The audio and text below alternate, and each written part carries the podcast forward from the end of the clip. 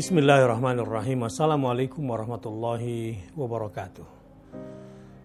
Kesucian perjuangan membebaskan Betul Maqdis.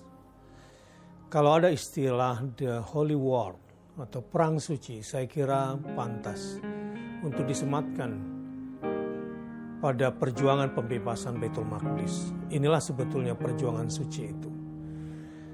Al-Quran menggambarkan di dalam surah Al-Isra, rajim, pada ayat 4, Bismillahirrahmanirrahim.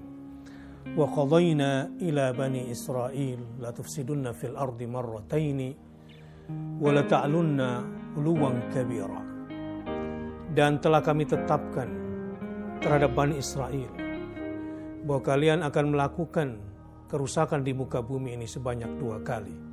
Dan kalian sungguh-sungguh akan menyombongkan diri di muka bumi ini dengan kesombongan yang nyata. Jadi untuk kelompok Zionis yang telah menjadi perpanjangan tangan iblis dan mereka adalah keturunan-keturunan yang awalnya mulia tetapi kemudian mereka menyimpang dari nenek moyang mereka dari Bani Israel. Ada dua hal yang melekat pada mereka, bahwa mereka akan melakukan kerusakan di muka bumi. Dan yang kedua, mereka adalah orang-orang yang sombong bukan sombong biasa, kesombongan yang melampaui batas. Uluwan kabira. Kesombongan yang sangat besar. Karenanya Betul Maqdis yang saat ini sedang dirusak, dinista. Betul Maqdis yang saat ini sedang diduduki oleh penjajah yang sangat sombong dengan kesombongan yang sangat besar.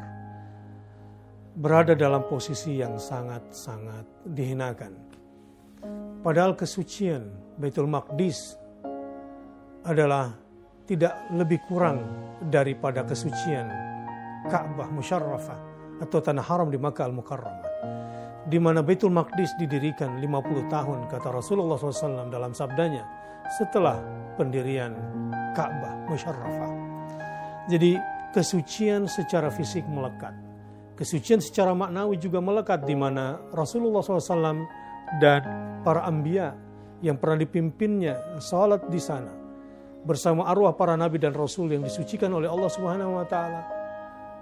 Darah mereka, perjuangan mereka berada di atas tanah yang dipenuhi berkah ini. Karenanya menjadi bagian daripada pembebas Betul Maqdis sungguh sebuah kehormatan. Siapa pun kita yang tidak ikut berjuang membebaskan Betul Maqdis, percayalah, tanpa bantuan kita, tanpa kesertaan Anda, Baitul Maqdis dijanjikan oleh Allah pasti akan merdeka. Maka menjadi bagian daripada pejuang pembebas Baitul Maqdis adalah memilih untuk ashkariman, hidup mulia, aumut syahidan, atau mati sebagai seorang syahid. Hidupnya terhormat, matinya pun mulia. Apa yang kita pilih dalam hidup ini? Jika memang kita adalah hamba Allah yang sejati, jika kita adalah orang-orang yang berorientasi akhirat, pasti ingin menjadi bagian daripada pejuang Betul Maqdis yang disucikan oleh Allah Subhanahu wa taala tanahnya, yang disucikan oleh Allah Subhanahu wa taala perjuangannya. Karena itu adalah perjuangan membebaskan rumah Allah dari penistaan perusak di muka bumi dan dari penistaan orang yang sombongnya sangat besar di muka bumi ini. Mari bergabung. Saya Bakhtiar Nasir mengajak seluruh umat Islam di Indonesia khususnya dan umat beragama pada umumnya di sana ada kekuatan setan. Di sana ada kekuatan iblis yang bertentangan dengan agama, agama mana pun, kecuali agama setan mereka bawa. Ini saatnya bagi kita semua untuk mempersiapkan jiwa dan raga, untuk mempersiapkan yang terbaik yang kita miliki, termasuk harta benda dan keluarga.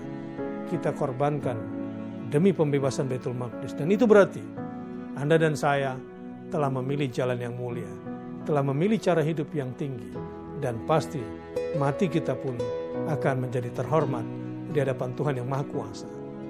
Wallahu a'lam Wassalamualaikum warahmatullahi wabarakatuh.